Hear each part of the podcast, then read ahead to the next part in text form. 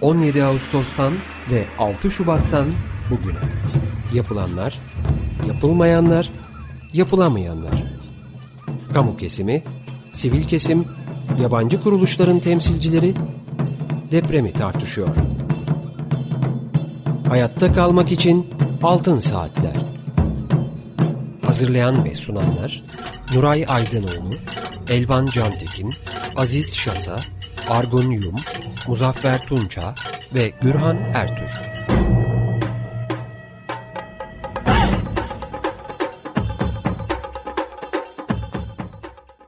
...95.0 Açık Radyo'da Altın Saatler programı deprem özel yayınındayız. Açık Dergi programının ilk saatini bize ayırdığı için İksel Mavi Tuna'ya çok teşekkür ediyoruz. Bu programı Mehmet Nuray Aydınoğlu, Argun Yum, Elvan Cantekin ve ben Gürhan Ertür birlikte sunuyoruz. Teknik masada ise Burak Muşlu sesimizi sizlere ulaştıracak. Telefon numaramız alan kodu 212 343 40 40. Elektronik posta adresimiz açıkradyo.com.tr Altın Saatler programlarının ses kayıtlarını Açık Radyo'nun internet adresinde podcast bölümünde dinleyebilirsiniz. Efendim bugün konuğumuz Çiğdem Öztürk. Çiğdem hoş geldin programımıza merhaba. Merhaba, hoş buldum. Evet, hemen Çiğdem Öztürk'ü tanıtmak istiyorum. Yazar, çevirmen, Adam Yayınları, Adam Öykü, Adam Sanat, Pazartesi Roll Express, bir artı bir dergilerinin ve başka bazı dergilerinde mutfaklarında çalıştı ve e, bugün kendisinden e, bölgedeki deneyimlerini, gözlemlerini e, almak istiyoruz. Nuray Hocam, Argun Yum, Elvan Cantekin sizler de programa hoş geldiniz. Merhaba. Hoş bulduk, merhaba. Hoş bulduk. Çiğdem söz sende ve sanıyorum ilk başta bize kısa bir kayıt dinleteceksin. Evet, kısa bir kayıt dinletmeden önce şeyi söyleyeyim. Ben 15 gün kadar İskenderun'da, Arsuz'da İspanyol Sahra Hastanesi'nde tercümanlık yaptım. Ee, yaklaşık 15 gün oldu döneli. Hala aklım orada ama her gün uyandığımda kendime İskenderun'da olmadığımı hatırlatmam gerekiyor. Tekrar geri dönmek istiyorum. Oraya gidip çalışan herkes gibi. Ee, başlamadan önce, e, izlenimlerimi anlatmaya, aktarmaya geçmeden önce e, çok yakında önüme düşen bir e, video kaydından bir ses parçasını dinletmek istiyorum. E, Hataylı depremzede sağlık çalışanı e, Abdullah Gül'ün e, Mustafa Kemal Hastanesi'ndeki e, yaşadığı ilk üç günü ve onun öncesini anlattığı İYİP'in e, grup toplantısında konuştuğu bir parça. E, şimdi onu dinleteceğim. Bugün sizlerin karşısına devlet hastanesinde eşini kaybetmiş bir eş olarak, 12 yıldır beraber çalıştığı meslektaşlarını kaybetmiş bir kardeş olarak, 70'e yakın vatandaşımızın son nefesini vermesine şahit olmuş bir insan olarak ve 2010 yılından beri bu acılar yaşanmasın diye verdiğimiz mücadelede Bask Hatay İl Temsilcisi ve Birlik Sağlık Sen Hatay İl Temsilcisi olarak karşınıza çıkıyorum. Çevre ve Şehircilik Bakanlığı ile birlikte Mustafa Kemal Üniversitesi'nden hocalarımız Antakya merkezde, kültür merkezinde bir kentsel dönüşümle ilgili sempozyum düzenliyorlar Sayın Valimiz eşliğinde. Diyor ki hem yetkililer hem oradaki profesörler, bilim adamları şu andaki hastanemizin yapıldığı yere normalde çivi çakanın aklı yok deniyor. Çivi çakanın aklı yok deniyor. Görüşme bittikten sonra Sayın Baş Genel Merkez Yöneticimiz Metin Yılmaz söz aldı. Dedi sizin çivi çakılacak yere aklı yok dediğiniz yere biz hastaneye götürüyoruz. Depremde bize ilk lazım olacak hastaneyi oraya götürüyoruz dedi. Size bu dosyayı verebilsem, dosyanın içinde Mustafa Kemal Üniversitesi ile Japonya Üniversitesi'nin ortak yaptığı zemin etütleri vardı orada. Bu hastaneye engel olabilir misiniz dedi. Bunun üzerine Sayın Valimiz büyük bir kibirle kalktı, toplantıyı arkasını dönerek, bütün doğrular arkasını dönerek terk etti gitti. Durdular mı? Durmadılar. Evet, böyle bir ses kaydı bu. Ee, bence Abdullah Gül aslında e, hikayenin e, en önemli kısmını e, çok kritik bir hadiseyle yani böyle herhalde toplam baştan sona 5 dakika bile sürmemiştir anlatıyor. Ee, yani bu bölgenin deprem bölgesi olduğu biliniyor. e, bütün oradaki konutların daha önceden de envanterinin çıkarıldığını aslında ne kadar çok riskli konut olduğunu da e, herkes biliyor. Aslında herkesin e, bildiği ve göz göre göre böyle sanki durdurulamaz bir süreçmiş gibi ilerlediği ve sonuçta da sayısını bilmediğimiz kadar çok insanın kaybolduğu, hayatını kaybettiği bir felaketle sonuçlandı. E, bu arada şeyi söylemek istiyorum. Kusura bakmayın ses kayıtlarına arkadan yıkım sesleri giriyor. Çünkü şu anda Kadıköy'deyim ve Kadıköy'de bir sürü ev yıkılıyor. E, balyozlar, işte kepçeler sağda solda e, evleri yıkıyor ve depreme dayanıklı evler yapmak üzere e, hazırlıyorlar diyeyim. Ama bu sürece dair de aklımız şüphelerle dolu.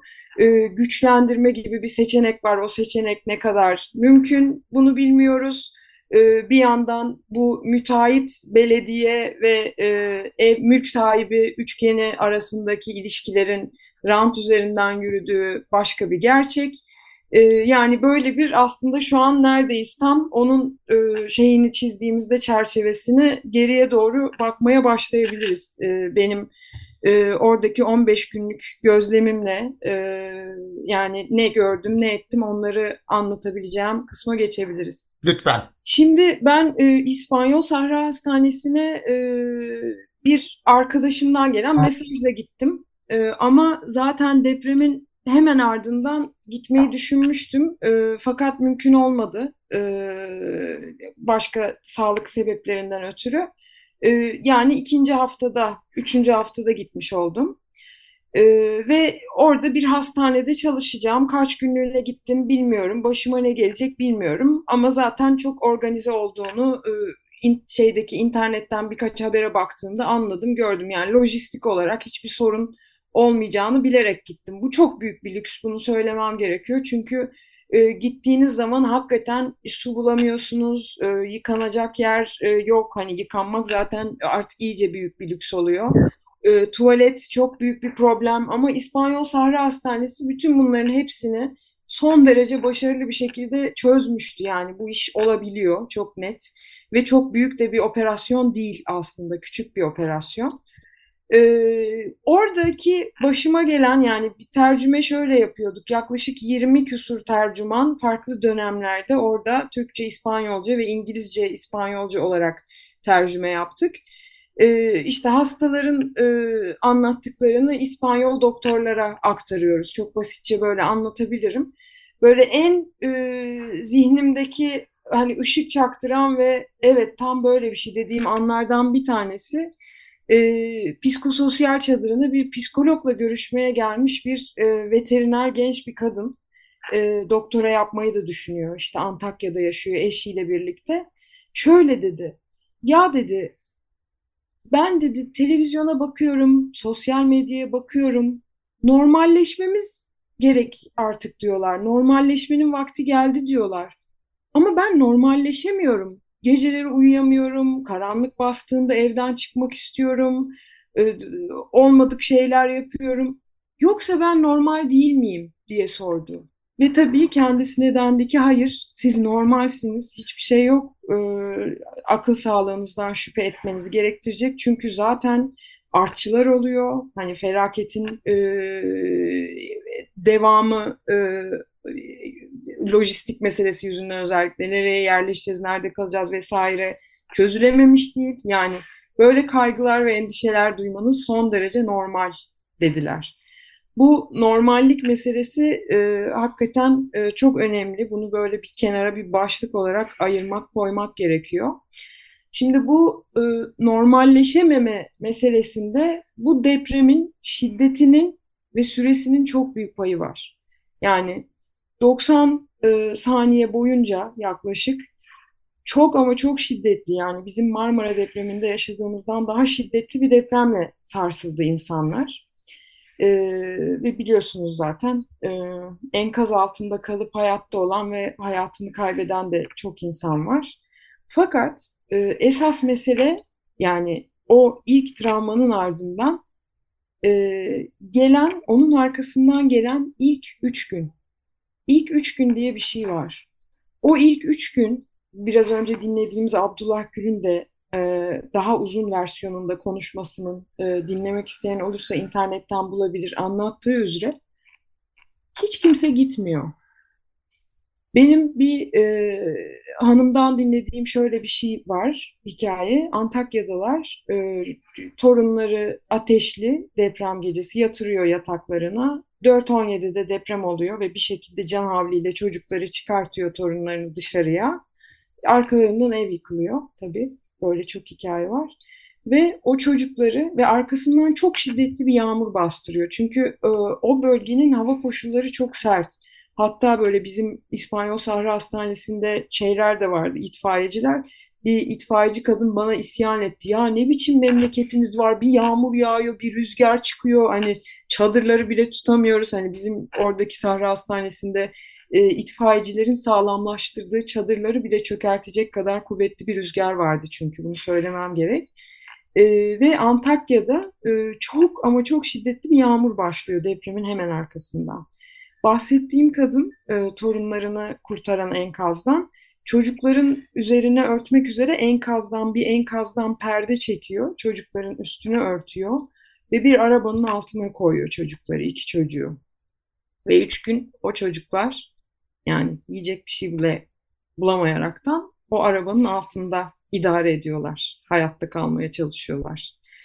Yani bu ilk üç gün meselesi herhalde kaç hikaye dinlemişimdir bilmiyorum ama benim dinlediğimin ne kadar katı hikaye var tahmin edebilirsiniz. Zaten ilk e, sohbete başladığınızda hemen bundan bahsediliyor. Yani ilk travma eğer bu aşırı şiddetli depremse ikinci travma ilk üç gün tamamen kaderine terk edilmiş olmak. Bu çok net bir şey. E, bunun altını çok kalın bir şekilde çizmek gerekiyor. Çünkü Tabii sadece Hatay'la ilgili değil, diğer e, kentlerde de aynı şekilde gelişti. Evet, evet öyle. Ee, şöyle bir boyutu daha var. Ee, yani bir takım açık kaynaklardan depremin ardından e, uydu fotoğrafları yani bulanık diyeceğim tırnak içinde uydu fotoğrafları aracılığıyla yıkımı aşağı yukarı kestirebildi meraklıları. Hani oralara bakmayı adet edilmiş insanlar falan. Ama şunu biliyoruz ki devletin elinde uydu fotoğrafları e, ile oradaki neredeyse enkaz altındaki insanların sayısını bile tespit edebilecek kadar hadi bu abartılı bir ifade oldu ama e, bir sistem var. Yani uydu fotoğrafları üzerinden ilk hava aydınlandıktan sonra 4.17 işte 6.30 gibi aydınlanıyorsa aslında yetkililer biliyordu yıkımın boyutunu. Yani bunu bir kenara not edelim ve bunu hiç unutmayalım. Bu çok önemli. İşte o yetkililerdeki bilgiye rağmen sonra basında çeşitli yerlerde bir sürü engelleme hikayeleri de dinledik biliyorsunuz. Ee, çünkü giden yardımın engellenmesi meselesi yani işte e, AFAD koordineli, AFAD koordinasyonuyla yapılacak denip e, neredeyse hani böyle e, geldiği anda, adım attığı anda bölgeye arama kurtarma yardımı yapmaya başlayabilecek ekiplerin saatlerce bazılarının hatta yani neredeyse iki gün falan e, bekletildiği hikayeler biliyoruz. Bir tanesi Zeynep Alpar'ın anlattı. Orada bir tercüman. Bir artı birde çıkan e, Hollanda ekibiyle birlikte çalışma tecrübesi. O söyleşiyi çok önemsiyorum. E, okumamış olanlara da söyleyeyim. E, okuyabilirler. E, yani bu ilk üç gün, e, ilk iki travma böyle.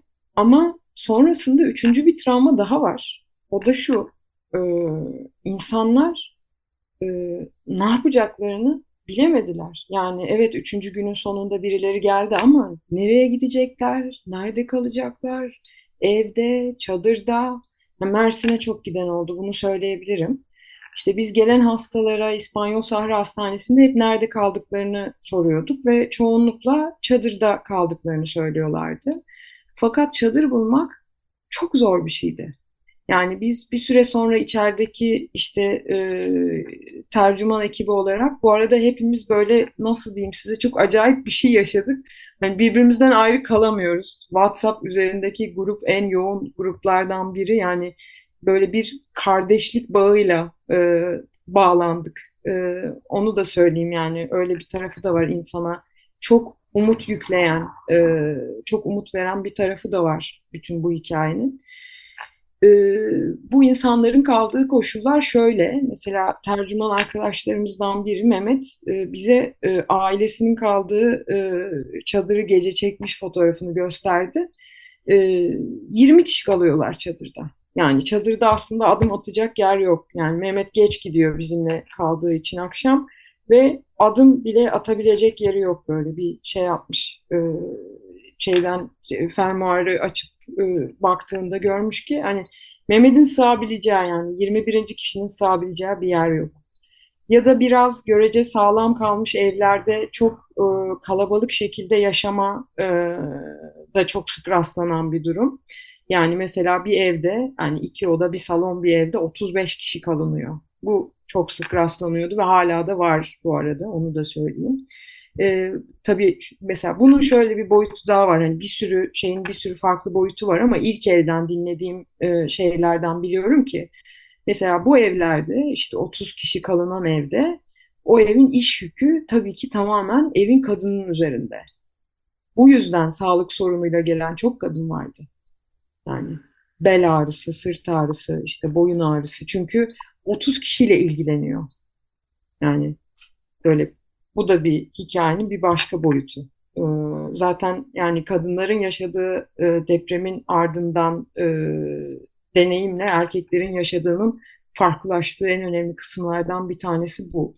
Ee, bakım e, ve bütün o şeyler işte işler kadının üzerine yüklendiği için onlar iki katı, üç katı, dört katına çıkarak depremden sonraki süreçte e, kadınları böyle ne, belini büküyor. E, yani tarifsiz bir durum.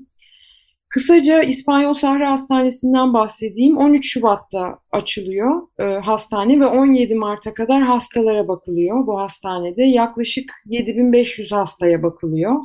E, ve hastane oradayken yine büyüyecek bir deprem oluyor Antakya merkezli. O yüzden hani e, acil durum hastanesi e, işlevini de yerine getiriyor. Bu e, üç ekibin bir arada yürüttüğü e, bir çalışma. İşte e, START, e, AESIT, Agencia Española de Cooperación Internacional para el Desarrollo, Desarrollo e, bir de e, Doctors of the World, bu üçünün birlikte yürüttüğü bir misyon. Hastaneye gelen üç e, dönem geldiler, 15 günlük e, şeylerle, e, vardiyalarla. Gönüllü doktorlar, hepsi gönüllü doktorlar ve hemşireler kendi mesailerine devam ediyormuşçasına hastanede çalışıyorlar. Yani hastanedeki herkes aslında e, çalışanlar haricinde çünkü Antakyalı ve İskenderunlu e, insanlar da vardı. Hastanedeki işte yemekhane ve temizlik gibi hizmetlerde de destek atan e, tercümanlar içinde de vardı. E, böyle bir yapısı var. Yaklaşık günde 200 hasta bakılıyor ve e, bakılan hastalar yani gebe takibi çok yapılan bir şey. Ben mesela hani hayatta böyle bir şey başıma gelir miydi bilmiyorum ama iki doğuma etkin olarak katılmak durumunda kaldım. E, tercüman ebe olarak mesela. E, işte kırık çıkık vesaire ve yaralar, yaraların pansumanı yani en önemli e, kısım travmatoloji ve tabii ki psikososyal diye. Sonradan ikiye ayrıldı çocuklar ve yetişkinler olmak üzere psikososyal. E, yani böyle bir hani e, her zaman çok yoğun değil ama bazen çok yoğun hastaların gelip gittiği bir hastane. Arsuz Expo e, bölgesinin hemen önündeki geniş böyle üstü mıcırlı alanda kurulmuş bir hastaneydi. E, çok garip bir şekilde bu hastaneleri insanlar nasıl duyuyor, nasıl geliyor? Mesela bunun mekanizmasını bir türlü çözemedim, itiraf edeyim. Mesela İspanyol Sahra Hastanesi oradan çekildikten sonra Alman Sahra Hastanesi, Alman doktorların kurduğu Sahra Hastanesi kuruldu. Biliyoruz çünkü 2-3 tweet görüyoruz. Ee, ama bölgedeki insanlar birbirlerine söyleyerek kulaktan kulağa bunu öğreniyorlar muhtemelen. Çünkü mesela AFAD e, benim kaydım kuydum hiçbir şeyim İskenderun Hatay'la bağlantılı değilken e, cep telefonuma mesajlar gönderiyordu. E, hasarlı binalara kesinlikle yaklaşmayınız diye işte İstanbul'dakilerle, e, ben Ayvalık'ta yaşıyorum, Ayvalık'takilerle konuştuğumda asla kendilerine böyle bir mesaj gelmediğini söylüyorlar. Çünkü AFAD bunu bölgesel olarak yani e, cep telefonunun sinyal verdiği yere göre gönderiyor. E, ve e, hani AFAD şöyle bir şey yapmıyor. Bulunduğunuz bölgede şu hastaneler çalışmaktadır diye bir mesaj göndermiyor. Çok net. E, biz mesela bu hastane e, çekilirken diğer hangi hastaneler çalışıyor diye doktorlarla birlikte e, gittik görüşmeye. Ben de yanlarında tercüman olarak gittim. Yani gördüğüm manzaralar arasında aslında öncelikli olarak şunu söylemem gerekiyor. Doktorlar ve hemşireler ve sağlık çalışanları. Yani bu insanlar canlarını dişlerine takmış ve olmazı olduran insanlar. Böyle e, aklımda sürekli zaten e, bu süreçte Nazım Hikmet'in Angina Pectoris şiiri vardı. E, hatta bu şiiri de kendime e, yarısı buradaysa kalbimin yarısı İskenderun'dadır doktor diye söyledim zihnimde. E, yani onları çok e, başka, çok e, özel bir yere koymamız ve hani pamuklarla sarmamız gerekiyor. E, bunu söylemem lazım. Ama şöyle şeyler var. Mesela bizim gittiğimiz çok net kısa bir örnek vereyim. Bizim gittiğimiz hastanelerden biri Arsuz Devlet Hastanesi. Normalde açılışının 6 Şubat'ta yapılacağı bu hastane e, tam açılacakken depremden zarar görüyor ama az hasar görüyor ve işlemez hale geliyor. 6 Şubat'tan sonra bahçesine kurulan bir çadırda sağlık hizmeti veriliyor. E, hastanenin de içeride toparlamaya çalışıyorlar.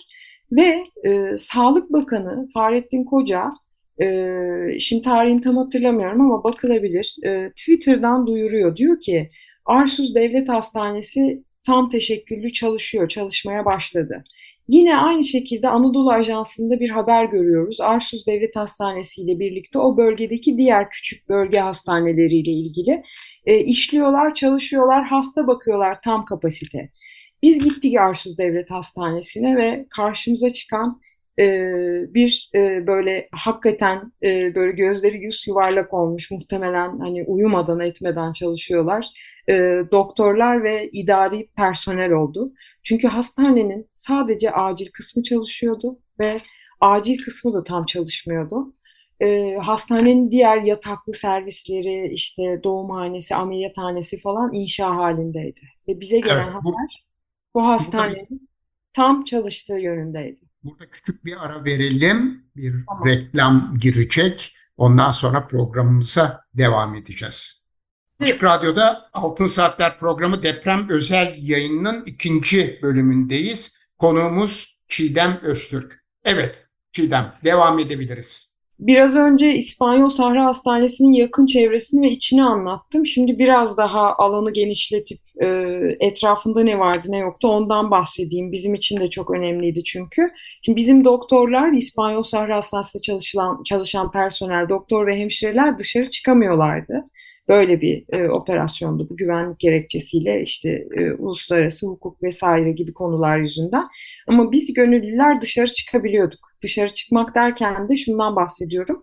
Arsuz aslında biraz e, Arsuz Expo hani e, yanında birkaç kimsenin oturmadığı dev bloğun olduğu ama ön tarafında deniz kenarında full yazlık evlerin olduğu güzel, çok güzel bir yer.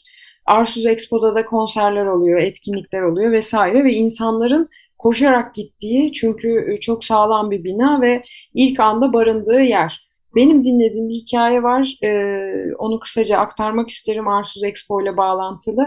Ee, iki kardeş e, deprem sırasında aynı odada uyuyan, biri sağdaki biri soldaki yatakta uyuyan iki kardeşe AFAD'dan giden mesaj depremin çok kısa bir e, hemen ardından kısa bir süre sonra depremden e, birini İskenderun Devlet Hastanesi'ne gönderiyor biliyorsunuz e, yoğun bakım ünitesinin e, yıkıldığı e, ve bir arkadaşımızı Açık Radyo'dan Tülay'ı kaybettiğimiz annesiyle birlikte e, İskenderun Devlet Hastanesi'ne.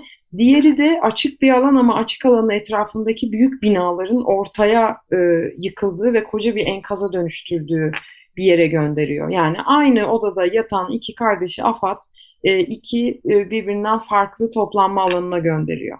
E, bunun üzerine yani bir sürü insana böyle mesajlar gittiği için kulaktan kulağa yayılıyor ve herkes Arsuz Expo'ya geliyor. Orası önemli bir merkez oluyor. Orada barınıyorlar, ilk ihtiyaçlarını orada gideriyorlar. Ve hala şu anda orada bir e, çadır kent var. Birkaç çadır kent var aslında. Bir tanesi Bodrum Belediyesi'nin kurduğu Bodrum Belediyesi Çadır Kenti. Yaklaşık bin kişi yaşıyor orada. Hala da e, gelmeye devam edenler var aslında. Çadır kentin etrafına da yerleşiliyor çünkü e, bir sürü insan aslında evine yakın çadır kurmak isterken son derece haklı sebeplerle bazıları da hani hiç evlerine yakın bir yerde kalamayıp yine böyle iyi kötü bir organizasyonun olduğu bir yerde kalmak durumunda. Bodrum Belediyesi Çadır Kenti de bunlardan bir tanesi. E, ama hani alttaki mıcır yetersiz, palet çok geç geldi geldi ama e, yani mıcır ve palet meselesi var. Bir yandan yaz diye bir şey var yani o bölgede yaz dediğimiz şey e, neredeyse havanın 50 derecelere falan çıktığı bir e, iklim koşulundan bahsediyoruz ve çadırın içine hiç e, hani düşünemiyor bile insanın hafsalası yetmiyor çadırın içinde nasıl bir sıcak olduğunu e, tasavvur etmeye. E, böyle bir e, ortam orası. Şimdi hatta iki arkadaşım orada onlarla konuştum nasıl vaziyet diye. İspanyol Sahra Hastanesi'nin çadırlarının bir kısmı büyük yemekhane çadırı vardı. Oraya geçmiş. Orada yemekhane ve ortak alan olarak kullanılıyor mesela. Tuvaletler verildi. Seyyar tuvaletler. E, işte şimdi gidip onlar onları görmüş oldu.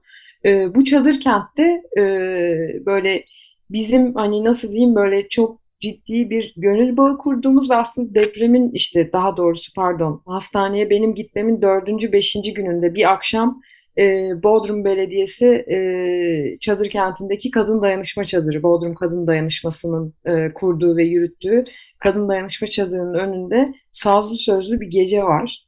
Orada Pir Sultan Abdal türküleri dinledik. E, Alevi Bektaş Kültür Derneği'nden e, müzisyenler de vardı gönüllü olarak gelmiş olan. Ve çok çok acayip bir andı. Çünkü aslında böyle şeyi anlıyorsun. Hani bazen böyle bir yerin ağrır, oraya buz koyunca bir rahatlarsın ya. Ya orada o türküleri dinlemek öyle bir etki yarattı aslında insanlarda. Yani büyük bir masa etrafında oturuyorduk. Bende de, herkes de. Ee, çok böyle içimiz temizlendi. Ve böyle onun üzerine bir küçük dayanışma örneği diye örnekleyebileceğim bir şey.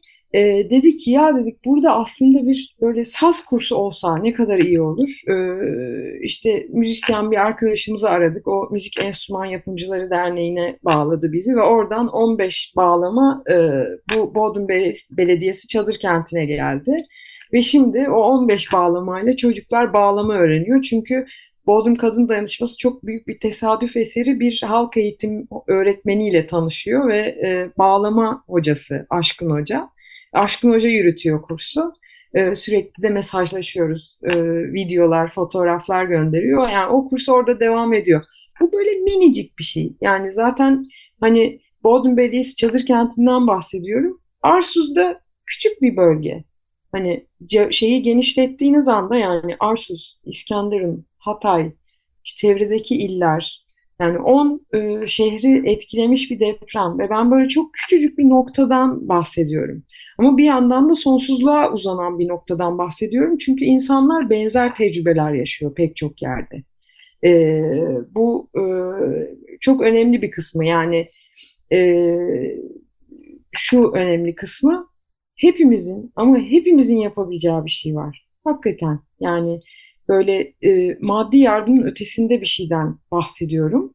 E, ya hiçbir şey yapamıyorsak böyle boşluğa kart atmak bile bir şey. Çünkü hani oradan ayrılırken herkesin sorduğu şey e, böyle işte ufak çocukların vesaire birlikte çalıştıklarımızın dönecek misiniz? Yani biz de aslında hani e, orada çalışıp gönüllü olarak geri dönenler e, sürekli ne zaman döneceğimizi düşünüyoruz. Hani aklımız hep orada. Bu Angina Pectoris şiirindeki gibi. Sizden ee, bir şey sorabilir miyim burada? Tabii. E, İspanyol e, hastanesi belli bir sürenin sonunda kapatıldı, kapandı ve e, ülkelerine döndüler. Bu e, nasıl bir prosedürün e, sonunda oluyor? Türkiye'nin davet süresini belirlemesiyle mi ilgili yoksa e, İspanya'dan gelen ekibin kendi belirlediği bir süre midir? Ee, şöyle hastaneye çalışacağı yeri gösteren AFAD yani bu süreci belirleyen net bir kimse yok aslında. Ee, bu ekip e, karar veriyor buna. Biz bu kadar çalışabiliriz ya da şu kadar çalışabiliriz diye. Zaten başta iki vardiya olarak düşünülmüş olan hastane İspanyol Sahra Hastanesi sonunda e, üçüncü vardiyanın da eklenmesiyle e, kurulumundan sökülümüne kadar toplam 45 gün bölgede durmuş oldu. Ama Ve 24 saat hizmet verdi öyle mi? Evet 24 saat hizmet verdi. E, yani ama şöyle örnekler de var. Hindistan Sahra Hastanesi e, çok e, daha e, nasıl diyeyim e, böyle kuvvetli bir ekiple gelen donanımlı askeri doktorların geldiği ve günde 600 hasta bakan e, Hindistan Sahra Hastanesi az hasarlı bir binaya yerleşen, mükemmel hizmet veren, e, evet. ikinci gününde bunu yapan, 10. günde e, devletin aslında yani e, Türkiye'deki yetkililerden gelen e, baskıyla kapanmak zorunda kaldı. Bu evet, programımızda bunun bilgilerini vermiştik. Evet, Mehveş Evi'nin artı gerçekteki haberinden takip edilebilir. Doğru. Oradayken okuduk. Ee, nasıl bir süreç işlediğini, suları kesiliyor, elektrikleri kesiliyor falan. Çok çok acayip bir hikaye. Evet. Ee, buna da bakmalarını öneririm dinleyicilerin. Ee, şimdi böyle çok da vakit kalmadığı için çok kısaca bu barınma ve e, bu felaketin sonrasındaki e, manzarayla ilgili bir iki bir şey söylemek istiyorum. Lütfen. Ee, şimdi iki gündür Şişli'deki e, mübadelenin 100. yılına dair bir sempozyum var orada. Onu izliyorum. E, mübadelenin 100. yılındayız biliyorsunuz ve mübadelede böyle inanılmaz rakamlardan bahsediyoruz. Her biri bir can taşıyan, e, tıpkı depremde olduğu gibi. E, işte e, Türkiye'ye gelen e, yaklaşık 500 bin e, Müslüman mübadil ve e, Anadolu'dan, kadim topraklarından Yunanistan'a giden 1 milyon 200 insan. E, hepimiz biliyoruz e, hikayeleri, duyuyoruz. E, işte nüfusun büyük bir kısmı da mübadil zaten Yunanistan'da, Türkiye'de de öyle. E, barınma meselesi yani 1 milyon 200 insan e, Pire limanına ayak bastığında, daha sonra oradan Atina'ya, Selanik'e geçtiğinde en önemli şey barınma. Bu Yunanistan'da da pek akademik anlamda daha önce çalışılmamış bir konuymuş. Buna da inanamadım. E, çok başarılı bir e, sunum vardı. Atina'daki ve e, Pire'deki e, durumu anlatan e, bir akademisyen. Yani orada nasıl konutlar yapıldı, bu insanların e, barınma sorunu nasıl giderildi veya giderilemedi. 100 yıl öncesinin tecrübesi üzerine çalışıyor. Calliope e, Amigdalu. E, ve böyle onu dinlerken böyle o kadar bugüne ışık tutuyor ki. Yani çünkü aynı e, yerinden edilme, topraklarını terk etmek zorunda kalma, aynı çileyi çekiyorlar, aynı yersiz yurtsuzlaşmayı yaşıyorlar ve bu insanlar nasıl barınıyor? Bu insanlar bundan sonra nasıl barınacak? Mesela şeyi hiç unutmuyorum 99 depreminde de çalışmıştım ben. Orada da barınma mevzu üzerine çok e, kafa yormuştuk. E, Shigeruba'nın böyle çok kolay e, inşa edilebilen e, böyle pratik evleri vardı. E, bu e, işte şeydeki Atina'da yapılan mübadiller için evi de e, çok aynı anda bir iki fotoğrafı yan yana görmüş gibi oldum dün. E, işte sunum yaparken akademisyenin gösterdiği fotoğraflardan. 100 yıl önce yapılmış ev 99 depreminde Shigeruba'nın önerdiği kolay yapılabilir hani prefabrik e, diyebileceğimiz eve çok benziyor. Hani daha sonra e, oraya yerleşenin ekleyip bir ev haline getirebileceği ya da o anda geçici barınma ihtiyacını e, giderebileceği e, böyle bir boyutu var yani. Bunun üzerine çok kafa yormamız gerekiyor. Yani bir de şunu söylemem gerekiyor. Yani orada evet küçücük bir yerdeydim. Belki toplam hareket alanım bir kilometre e, ile sınırlıydı en fazla. Hadi iki diyelim. Birkaç bir yere gittim ama e, bir seçim dönemi var önümüzde ve e, bu seçimlerde 15 Mayıs'taki seçimlerde insanların sağlıklı bir şekilde kime oy vereceklerine karar verebilmesi için deprem bölgesinde ne olup bittiğini başından sonuna çok iyi bir, e, çok iyi takip etmeleri gerekiyor.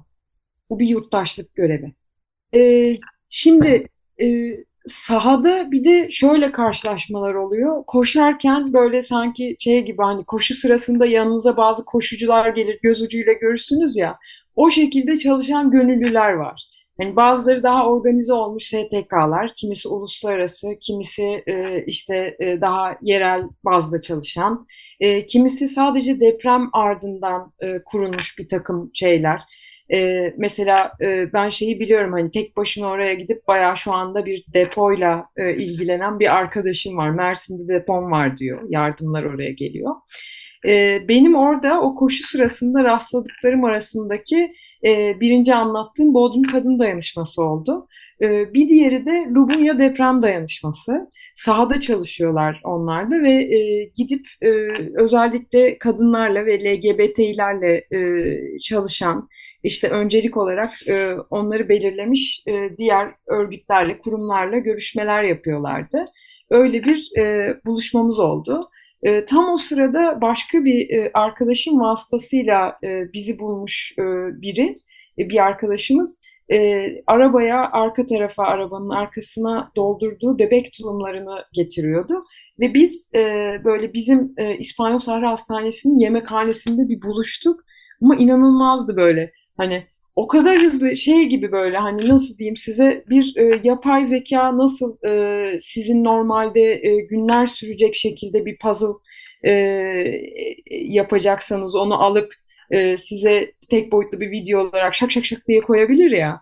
Yani o şekilde hepimiz birbirimize bağlanmış gibi olduk. E, yani çünkü e, işte kim nereye gidecek, ne yapacak, sen oraya gittin bak orada bilmem kim var falan diye. Hep birlikte sonra Bodrum Kadın Dayanışması çadırına gittik. Hakikaten böyle bir ya da bizim şeyimizde böyle baktığımız zaviyeden bir puzzle'ı tamamlamış gibi olduk. Bir sürü insanın da bunun başına geldiğine, bunun aynısını yaşadığına çok eminim. Ee, yani bölgede çalışan e, böyle küçük, irili, ufaklı kurumlar çok önemli. Çünkü orada çok iş var. Ve böyle hani bir sene, iki sene gibi bir şeyden de bahsetmiyoruz. Üç sene, dört sene sürecek. Ee, yani gelip gidelim ve ne yapabiliyorsak yapalım. Ee, buna yani hem oradaki arkadaşlarımızın, dostlarımızın ihtiyacı var hem aslında bizim de ihtiyacımız var. Bu arada çok önemli bir şey daha söyleyeceğim. Eğlenmekten utanmayalım. Yani bu süreçte her şey çok kötü, orada korkunç bir deprem gidiyor, biz eğleniyoruz, işte burada aslında hiç kimse umrunda değil, hayatını yaşamaya devam ediyor falan. Ya bundan utanç duymanın bize ket vurduğunu düşünüyorum. Bundan utanmayalım çünkü orada da arkadaşlarımızın buna ihtiyacı var. Ben bunu birlikte şarkı söylerken fark ettim. Aslında 99 depreminde de yaşadığım bir şeydi ama herhalde unutmuşum. Tekrar yaşamam gerekti e, hatırlamak için bunu. E, yani bu çok önemli bir kısmı. E, yani böyle hani irili ufaklı kurumlarla e, ucuna köşesine eklemlenebildiğimiz bir şekilde bir elimizin orada olması çok mühim. E, mesela ben ÇEV bir üyesiyim aynı zamanda. ÇEV bir de çok böyle canlı başla çalıştı. E, bize işte otogara kitaplar gönderdiler. E, o kitapları e, şeye ilettik. E, bir ambulans e, çalışanına ilettik. Bu ambulans çalışanı da bahsettiğim e, Tokat'tan gelmişti. E, ve böyle şey dedi bana. Ben dedi buraya geldim. E, gönüllü olarak geldim. Aslında çok zor geldim. Çok zor ikna ettim. Boşta kaldığımda da ambulansla gidiyorum çocuklara hediye dağıtıyorum, kitap dağıtıyorum, şeker çikolata dağıtıyorum dedi. Yani böyle biraz önce bahsettiğim doktorları aslında büyük bir şemsiye olarak almak lazım. Çünkü böyle biraz ilkel anlamıyla doktorluk da diyebiliriz. Birinin e, böyle omzuna dokunduğunuzda, elini tuttuğunuzda aslında siz de böyle bir anlamda bir doktora dönüşüyorsunuz. Çünkü şifa vermekse eğer mesele hakikaten değdiğiniz anda bir şifa da vermiş oluyorsunuz. Aslında siz de şifa bulmuş oluyorsunuz. Çok böyle karşılıklı bir şey. E, bütün bu hani bildiğimiz modernist e, şeyleri, terimleri, kavramları falan sorgulatacak tecrübeler e, yaşıyorsunuz. E, şöyle bir hastaneyle ilgili bir şey daha söylemek istiyorum.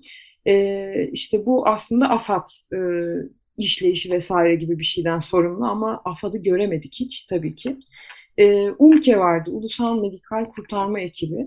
Bu UMKE çok önemli bir role sahip ve UMKE'yi e, gözümüzün bebeği gibi e, bakmamız ve geliştirmemiz gerekiyor.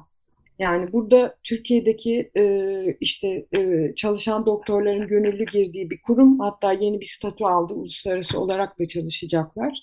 E, UMKE'deki doktorlar hakikaten ne yaptığını çok iyi biliyor. Yani çok iyi eğitim almış doktorlar hepsi. Genç doktorlar. Yani e, o, o kurumu e, böyle ayrıca bir yere koyup şey yapmak gerekiyor. Yani tabii ki sahada sorunlar da çıktı. Tabii ki ülkenin içinde bir sürü problem var. Bizim sahadayken rastladığımız ve böyle bizi kahreden bir sürü şey de oldu. Ama yapısı ve oradaki doktorların, e, sağlık çalışanlarının aldığı eğitim itibariyle son 20 yıla baktığımızda bu liyakatsizlik ve e, iş becerememezlik, organizasyon bilememezliğin UMKE'de pek de olmadığını gördük sahada. Yani bir şekilde onlar hakikaten çok donanımlılar ve e, yapılması gerekeni de yapmışlar. Evet, Çiğdem hemen şeyi sormak istiyorum. Çevirmenler Çev bir kanalıyla e, en hızlı bölgeye intikal eden sivil toplum kuruluşlarından biriydi. E, o konuda e, sen de bahsettin ama biraz daha bilgi verebilir misin? Yani bu hızlı örgütlenmeyi nasıl e, başarıyorlar? Mesela sen e, bir e, çevirmen olarak çevire üye misin? E, veya nasıl bir süreç işliyor orada? Şöyle aslında çevirmenlerin kendi meslek örgütleri olduğu için e, toparlanmaları ve e, birbirleriyle e, irtibatlanıp harekete geçmeleri daha kolay oldu. E, çünkü yani örgütlenme çok önemli. Tekrar söyleyelim. Örgütlülük çok önemli. E, şöyle söyleyeyim. Yani zaten daha önce bu konuda çalışan çok çevirmen var. Çünkü 99'dan kalan bir tecrübe var. E, Türkiye'ye uluslararası yardım geldiği zaman o uluslararası yardımın düzgün bir şekilde işleyebilmesi için aradaki en önemli parça, en çok şey yağlanması gereken diyeyim çevirmenler. E, çünkü e, dil yani bu arada bazen şey e, Google e, Translate ile böyle şey yazdırıp tercüme etmeye çalışanlar falan oluyordu. Çok komik manzaralar da çıkmıştı ortaya o yüzden hatta. Yani çevirmenler kritik bir rol üstleniyorlar. E, onu kesinlikle bir kenara koymak lazım. Afet için çevirmenler zaten daha önce de örgütlenmiş bir çevirmen topluluğu var. Ayrıca çevirmenlerin içinde arama kurtarma eğitimi e, almış ve e, enkaza da girip çıkabilen e, çevirmenler var. Mesela bizde iki turist rehberi çevirmen arkadaşımız vardı ve İSİAS Otel'de de meslektaşlarını kaybetmişlerdi. Öyle bir yarayla da çalışıyorlardı. E, mesela onlar afet eğitimi de aldıkları için ilk başta arama kurtarma sırasında son derece aktif hem böyle yarı çevirmenlik, e, yarı aslında kurtarmada da e, etkin rol alabilecek bir e, şeyde çalıştılar. E, yani bölgeye gelen çevirmenler birbirleriyle haberleşerek ve meslek örgütleri üzerinden e, gitmiş oldular. Çevirmenlerin afet e, kurtarma eğitimi, arama kurtarma eğitimi almasının da çok kritik olduğunu öğrenmiş olduk böylece. Yani bunu da bir kenara koyalım bu depremden çıkarttığımız derslerden bir tanesi de o. Çünkü e, Türkiye daha önce hiç olmamış bir şey yapıp dördüncü seviyede alarm verdi. Bu bir sürü bilmediğiniz dilin ülkenize gelip arama kurtarma faaliyeti yapması e, anlamına geliyor. Evet son iki dakikada da e, bölgeye ilk defa gidecek olan afette müdahale amacıyla ilk defa afet bölgesine gidecek olanlara e, tavsiyelerini alabilir miyiz? Ya şöyle hani benim gidişim daha önce de anlattığım gibi lojistik bakımından son derece güçlü, kuvvetli, hani hiç e, aç kalmayacağım bildiğim kocaman bir yemekhanesi vardı bu arada İspanyol Sahra Hastanesi'nin. Baya böyle yemek yazarı, şefleri falan getirmişlerdi. Yani sağlıklı beslenmek çok önemli çünkü. Ee, yani burada aslında benim söyleyeceğim şey ne olabilir? Ee, şimdi böyle bir hızlıca düşündüğümde doğrudan da e, hani gidişle ilgili e, yani oradan biriyle bir kere konuşup koşulları öğrenmek en temel şey hani e, ilk atlayıp, iş, ilk iş. Evet. İlk iş oradan birinde e, birinden son koşulları öğreneceksiniz. Çünkü koşullar değişebiliyor. Yani bir yerde lojistik iyiyken öbür yerde e, kötü olabiliyor.